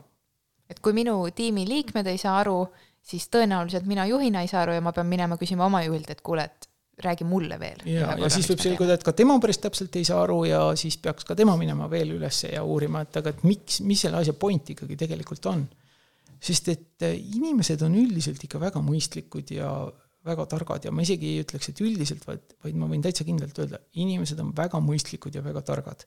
ja kui nad käituvad kuidagi kummaliselt, siis selle taga ei ole mitte see, et nad on rumalad, vaid see, et äh, nad kas ei ole saanud kogu infot, nad ei ole saanud asjadest aru, äh, neile on seletatud liiga segaselt, neil ei ole suurt pilti, nad ei usu, et põhjus on kuskil seal, mitte selles, et, et nad Äh, ma ei tea, lihtsalt on rumalad ja ei, ei mõista midagi, ei tee midagi, sellepärast nad ei viitsi.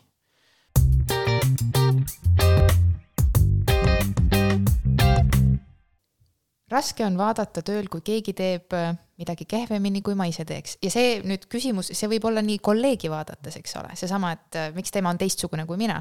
aga, aga juhina, kuidas olla juht, kui sa näed, et pagan, ma teeks ise seda nii palju paremini, kui minu töötajad teevad. siin me peame tagasi tulema selle juurde, et mis on juhi ülesanne.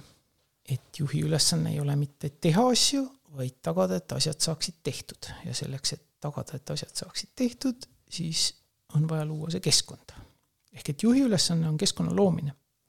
see, kuidas nüüd inimesed seda keskkonda kasutavad, sõltub väga paljuski sellest, milline keskkond on loodud ja kui ma olen loonud ühesuguse keskkonna, siis inimesed käituvad ühel viisil ja kui ma olen loonud teistsuguse keskkonna, siis inimesed käituvad tõenäoliselt teisel viisil.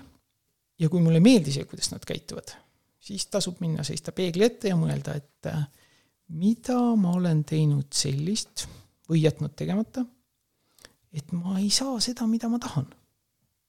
sellepärast, et et inimeste käitumine sõltub sellest, mida mina teen. mis on minu roll selles, et, äh, et ma ei saa seda, mida ma tahan, et minu töötajad ei tee selliseid tulemusi, nagu mina soovin. ja, ja see sobib ka paari suhtesse näiteks väga hästi või lastekasvatusse, et kui ma ei saa seda, mida ma tahan, siis tasub mul mõelda selle üle, kuidas ma olen selle andmise neile raskeks teinud no nüüd te olete seda sama mõtet kuulnud ka Tiit Kõnnussaare käest, nii et äh, päriselt kvalifitseerub siis tõeks, et, et tõesti tuleb otsida seda, seda enda osa, enda tegemata jätmist või noh, tasub otsida, siis on nagu tulemust asjal. ja, ja, ja siin on teine asi veel, selle konkreetse näite puhul siis, et kui, äh, kui mulle ei meeldi see, mis ta teeb, aga ta läheb üle lati, ehk et ta teeb asja ära enam-vähem nii, nagu on mõistlik teha teeb küll teistmoodi, aga see asi on tehtud ja tema taha ei jää mitte mingi muu asi pidama, siis äh, tasub mõelda, et miks see mind häirib. ja siis kindlasti ei ole probleem temas, vaid pigem minus. asi on ju tehtud. no kuna me salvestame seda episoodi äh, minu köögis, siis ma näen siit äh, nõudepesumasinat ja see kõlab küll nagu väga paljude paaride igikestev probleem, et ma ei tea, ta peseb nõusid või koristab küll, aga mitte nii korralikult, nagu mina seda teeksin. ja see on probleem. riskin väga paljude pahameelega, aga ma ei mäleta, kes on see kirjanik, kes on kirjutanud, et äh, perfektselt korras kodu on märk tühjast elust. siis ikkagi tasub mõelda, et miks see asi mulle on nii oluline, et see oleks tehtud täpselt just nii, nagu mina tahan. ja, ja teine pool on siin veel, see on optimeerimisega seotud, kui me juhtimisest räägime, et enamasti viimase kahekümne protsendi lihvimisele kulub kaheksakümmend protsenti energiast ja ajast ja ka rahast. küsimus on siis selles, et äh, kui palju ma tahan kulutada, et kui see kaheksakümmend protsenti on üle lati, et kas, kas mul siis on mõtet seda viimast kahtekümmet protsenti minna küttima kaheksakümne protsendise ajakulu, energia ja rahakuluga. et seda tasub ka alati mõelda ja isegi kodus köögi korrastamisel tasub mõelda, et äh, katlakiviga võitlus on igavene, et äh, see tuleb tagasi alati. lõpetuseks ma võtan veel kiirelt ette sellised ühe mehe firmad või üksikettevõtjad kuidas ja kas üldse neid peaks vaatama süsteemses kontekstis või pigem ma küsin niimoodi, et kas iga inimene peaks nagu tahtma kuuluda kollektiivi?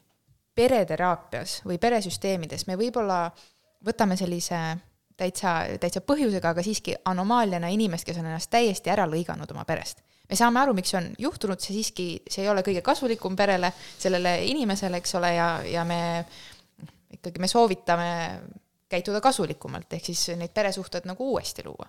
aga nüüd inimene, kes, kes tahab tegutseda üksi, kes tahab töötada üksi, kes ei taha olla kollektiivis, kuidas me teda peaks vaatama? igal inimesel on elus erinevad eluetapid.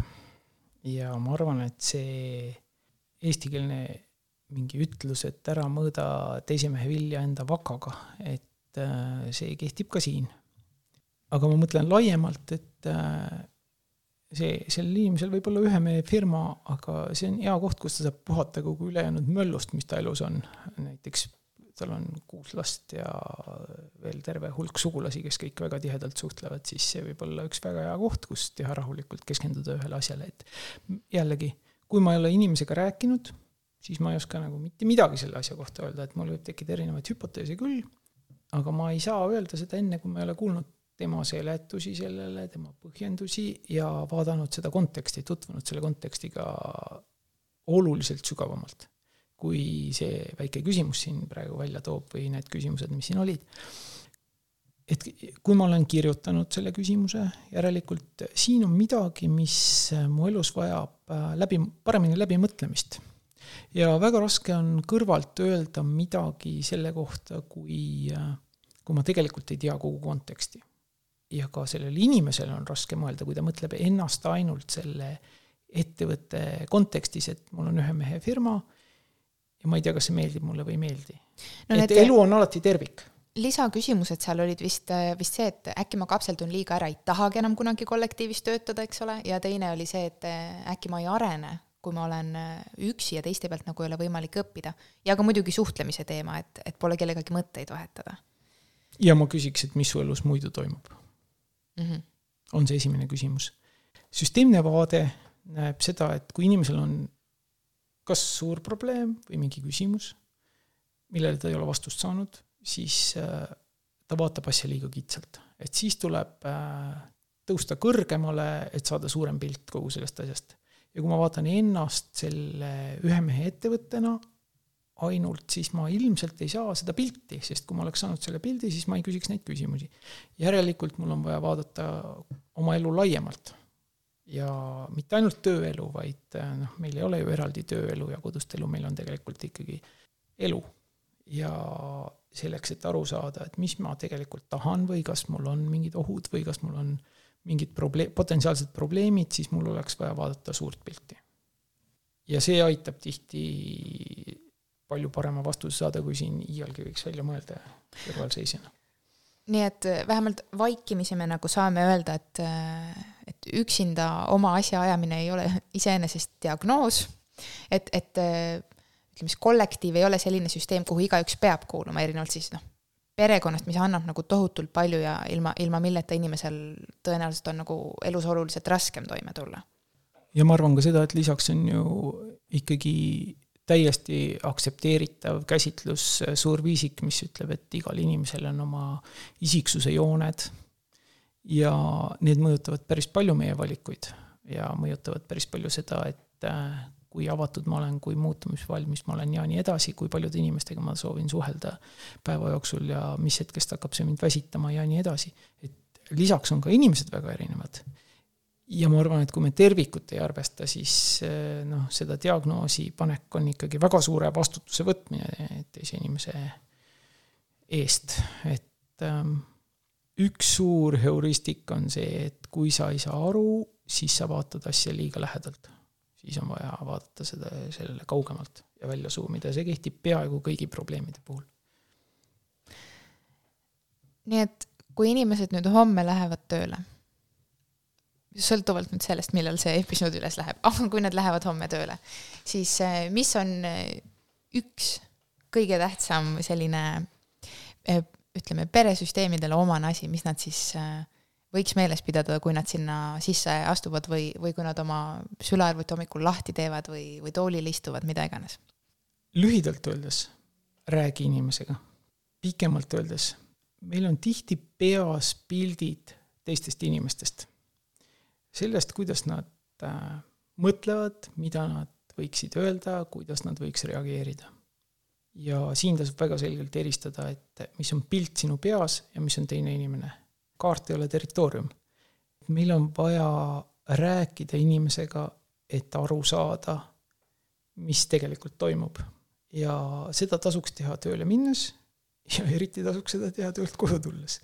ehk et äh, kuulata seda, et äh, kus teised inimesed parajasti on, mis nad vajavad, mis nad ootavad, kus kohal nad oma elus on parajasti ja ma arvan, et see aitab luua palju olulise, see kuulamise protsess ise aitab luua oluliselt paremaid suhteid ja oluliselt paremad suhted aitavad luua parema keskkonna, olgu see tööl või kodus, nii et vahet ei ole. aitäh sulle, Tiit, et sa olid äh, nõus äh, olema minu katsejäänes ja perekondama siin äh, meiega koos täna. Ja kui tahate Tiidu kirjastatud raamatuid, siis Väike vanker on see kirjastus, mida otsida minu riiulis on, on sealt ka kõvasti materjali, need on tõesti head raamatud, mida pereterapeudid ise loevad ja teistele ka väga soovitavad. ja, ja ma arvan ka, et ma olen nüüd kakskümmend viis aastat neid raamatuid kirjastanud ja ma arvan, et nende hulgas ei ole ühtegi raamatut, mille üle ma ei oleks rõõmus tänaseni. ehk siis, et ma usun, et need täidavad äh, ühte sellist funktsiooni, et nad on omavahel kooskõlalised või et et nad annavad nagu sarnast teadmist eh, edasi erinevate nurkade alt, et kõik need raamatud, mis ilmuvad, ma olen ikkagi lähtunud sellest, et et need oleks omavahel ka kooskõlas, et kui neid lugeda, et siis seal sellist suurt konflikti nende vahel ei, ei ole, sest need ei ole minu kirjutatud, need on ju kirjutatud paljude inimeste poolt ja tõlgitud väga erinevatest keeltest, et aga need kõik räägivad ikkagi ühest asjast, sellest, kuidas luua enda ümber parem keskkond, kus ma saaksin ennast tunda iseendana ja olla rohkem teadlikum endast. et see on see suur eesmärk sellel kirjastusel ja, ja kui tänase episoodi kohta tahate anda tagasisidet või, või kirjutada või midagi küsida, siis äh, leiate meid äh, Instagramist kontolt äh, pereterapeut äh, või äh, kui mulle kirjutate e-kirja teel siis äh, aadressile perekondam.gmail.com. et aitäh teile, et teie meiega ka täna perekondasite ja varsti kuuleme jälle. aitäh! tšau! podcast Perekondame